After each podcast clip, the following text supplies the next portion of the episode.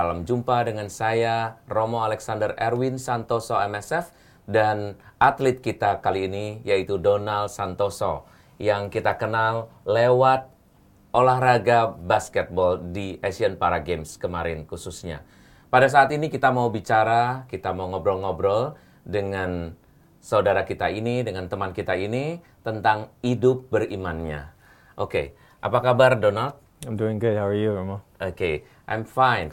Dan juga teman-teman di sana tentunya semua dalam situasi yang baik juga. Saya ingin bertanya kepadamu sekarang ini, bagaimana tentang hidupmu? How is your life for now?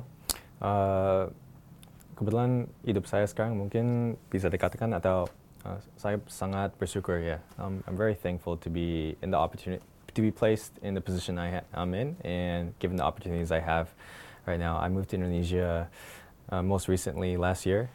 Um, and within this past year of being able to play in the Asian Para Games, um, but more importantly, being able to connect with all the people, all the communities I've, and um, all the friends I've made during this process uh, has been a, a, huge blessing for me.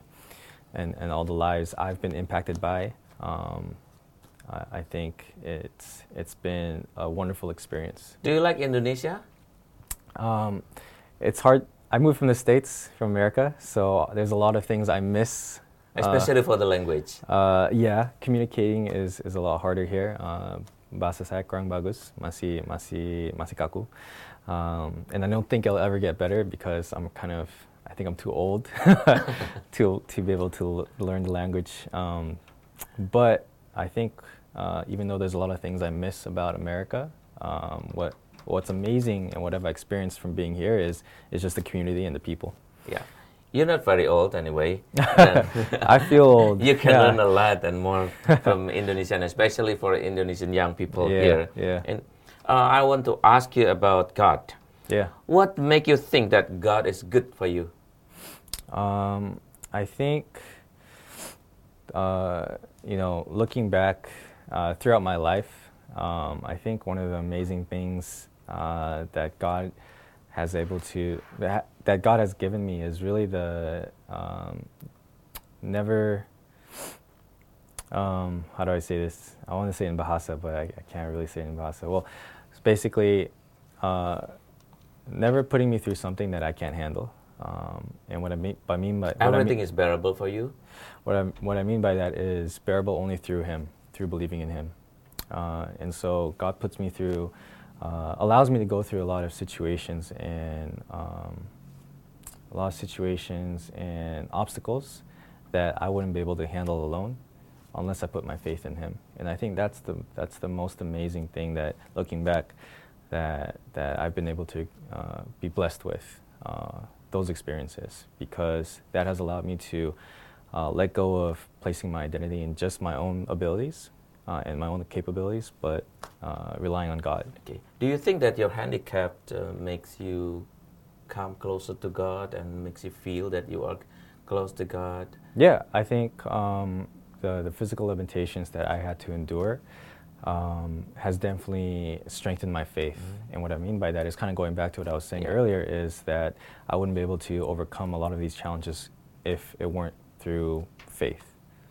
Berapa negara yang sudah kamu kunjungi? Um, quite a lot. I've been through maybe, I don't know, especially 10 America. countries, yeah, or 10, 10 to 15 countries, yeah. 10 15 and countries. In, in, America alone, right, there's a lot of states that I've visited. And, and a lot of um, a lot of places I've been visiting lately through wheelchair ball, through sports. So being able to have the opportunity to play wheelchair ball has given me the ability to travel a lot and meet a lot of different people. Okay. And uh, when you were teenagers, what your parents thought or gave examples to you about faith? Being a faithful person? Um, I think one of the biggest things that my parents have taught me is, uh, is especially prayer uh, or, or, prayer, um, and specifically within prayer, um, is to be thankful. Right. I think a lot of times we. Did they teach you to pray? They taught me how to pray at a very young age, especially my mother. Um, every night, um, during during moments of joy, during moments of despair, um, during moments of uh, solitude. Um, so my mom uh, set a good example of prayer, and I think uh, within prayer, something that she taught me was being able to be thankful. So a lot of times we go we go uh, through our daily lives praying, but praying with a lot of requests, which is which is not a problem um, in itself. But I think something my mom set a good example of is sometimes just praying just to be thankful, no matter So even if we have a lot so of many requests. things. Yeah, So many things here. Okay. And what does family mean to you? I think family is everything. So um, very fortunate to have a very close family and family that's very supportive. And I think uh, one aspect of my family that has been uh, a solid foundation uh, for a lot of, for for my life uh, is that um, they're always there, no, no matter you know, no matter how far away you stray from. Um, Because your mom in Indonesia and you are in America. yeah, yeah. So um, I lived away from my family for a good chunk of my life, um, Mhm. even before college. Yes. I, I lived with my, my relatives in the States. And so my family was still very supportive, even though the fact that I wasn't Yeah. physically with them. Okay. Yeah. So you communicate a lot with them. Yeah, yeah. And uh, do you like basketball very much? Because Yeah. you are an athlete of the of Yeah, yeah. this. Yeah, you could say that. Um, basketball, uh, ever since I was young, basketball was a way for me to kind of uh, uh, a, a a sense of identity, right? Uh, what I mean, by, what I mean by that is, it was a way for me to make friends when I was really young. Because moving to Indonesia at a young age, I wasn't able to communicate well with. When with was the first time you played basketball? Uh, the first time was maybe.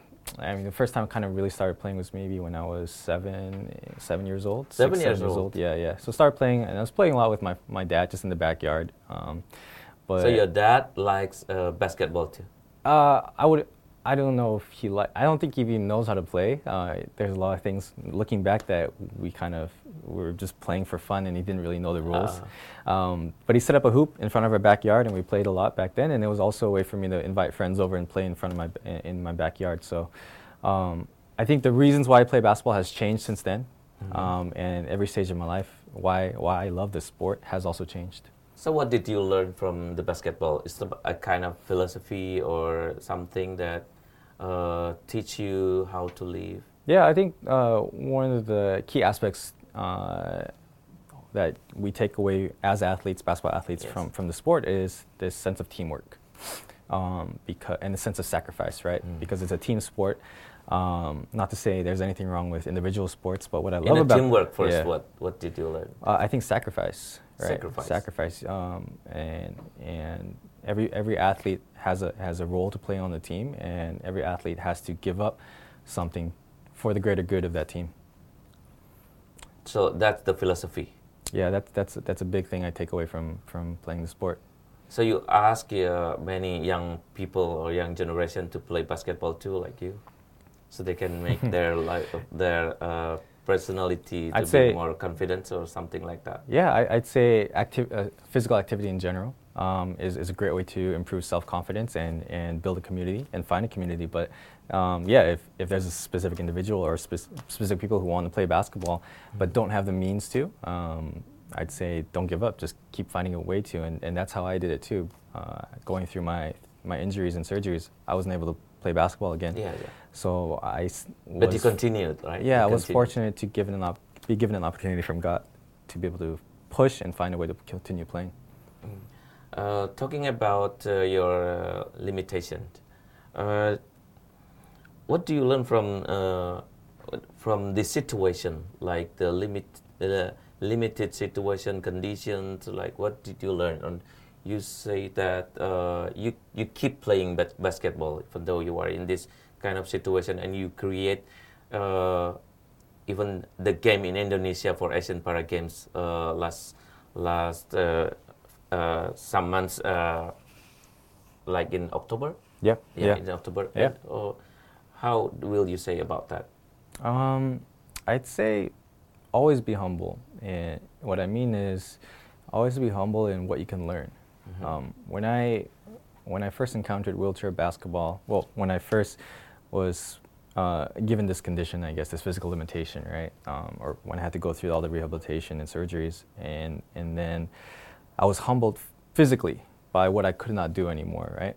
Um, but at the same time, I was humbled by when I found wheelchair ball, humbled by what all these uh, humbled by all the new uh, challenges that I could overcome and all the new skills and opportunities that there were uh, as an athlete of wheelchair basketball.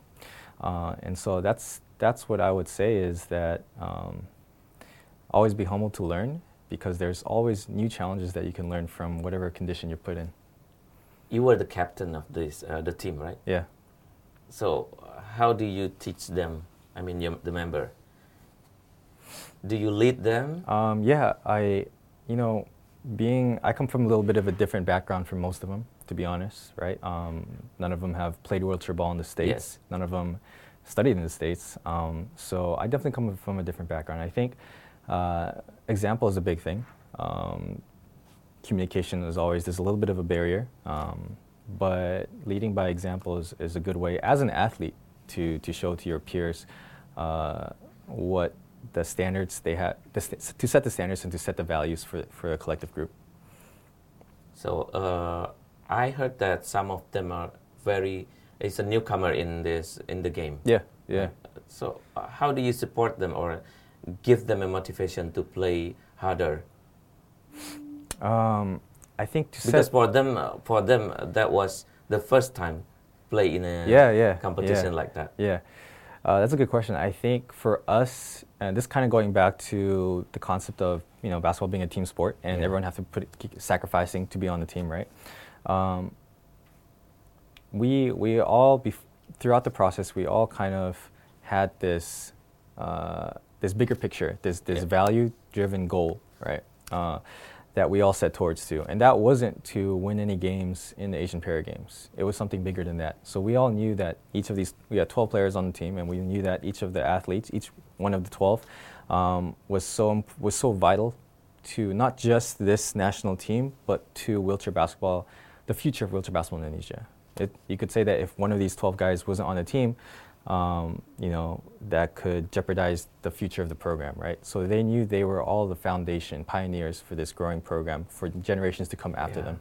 So setting that bigger picture, that value um, uh, for us to play towards, uh, I think that's kind of how we were able to all sacrifice Yes. all the small details for that for that goal. So do you plan to continue the, the team? Uh, As long as I'm here, yeah. As long as I'm here As and long given as the, you are here. As long as I'm here and given an opportunity, yeah. Where will you go there? Uh, maybe back to America. Who knows? or play professionally in Europe. And how about the team? Um, what, what do you mean by that? How about the team? How about the team that you already uh, organized? Yeah, so it's it's still continuing to grow. I think one of the, the the beautiful things about what we did was we we set out, like I said, not to win games necessarily, Yes, but course. to empower people, and that's starting with the 12 players on our team, right? So we empowered them uh, with knowledge of the game, um, with with resources, Mhm. but more most importantly with confidence. I would say the confidence to know that them going back to their own cities, their own provinces, and if they wanted to start programs of their own and build communities of their own, whether it be for wheelchair basketball, whether it be for another sport, or whether it be for just any other you know activity, um, they were able to do that regardless if they were a person for, with disability. Yeah. Yeah. Para remaja yang terkasih, kita mendengar kata atau nama Donald Santoso, pasti kita akan ingat nama itu di Asian Para Games, khususnya di olahraga basket. Nah, saya dan juga kita semua ingin tahu ya, apa yang akan diberikan oleh Donald Santoso kepada kita semua, atau tips-tips khususnya untuk para remaja. Jadi, kita ingin mendengar poin-poin apa yang penting yang bisa kalian pelajari dari seorang Donald Santoso mengenai hidupnya di masa muda.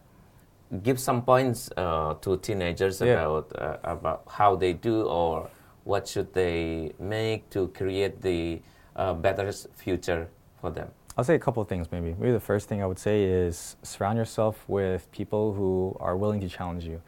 Um, not necessarily people who just nod their heads, yes or no, but people who are willing to critique you, whether that be family, friends, uh, or just your community, uh, coworkers, uh, because that is really an opportunity for you to grow and for, for you to uh, self-reflect and look at what things in your life need to change and what things you can improve on and what obstacles and how op- you can overcome those obstacles.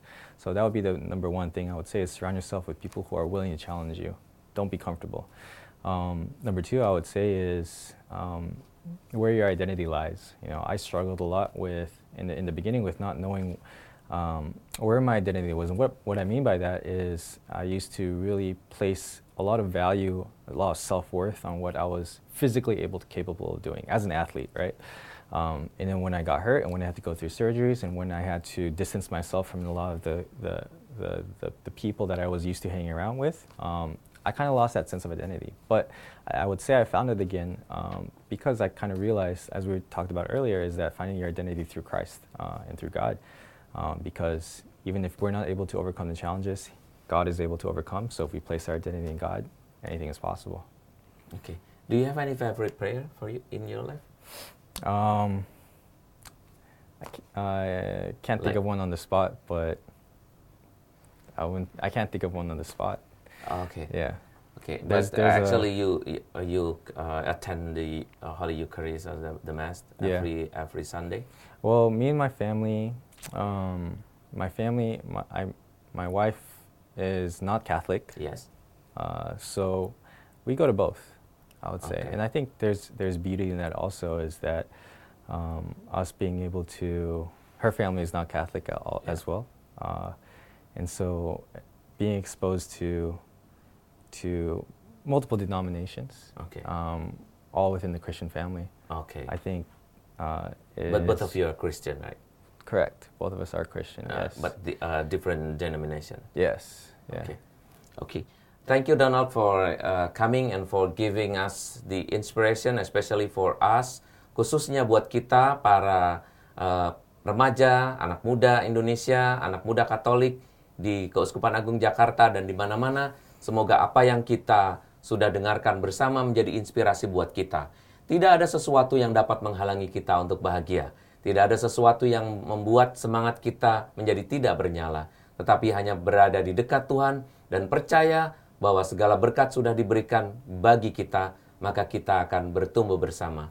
Thank you for coming and thank you for giving us the inspiration. God Thank you bless so you. much. God bless.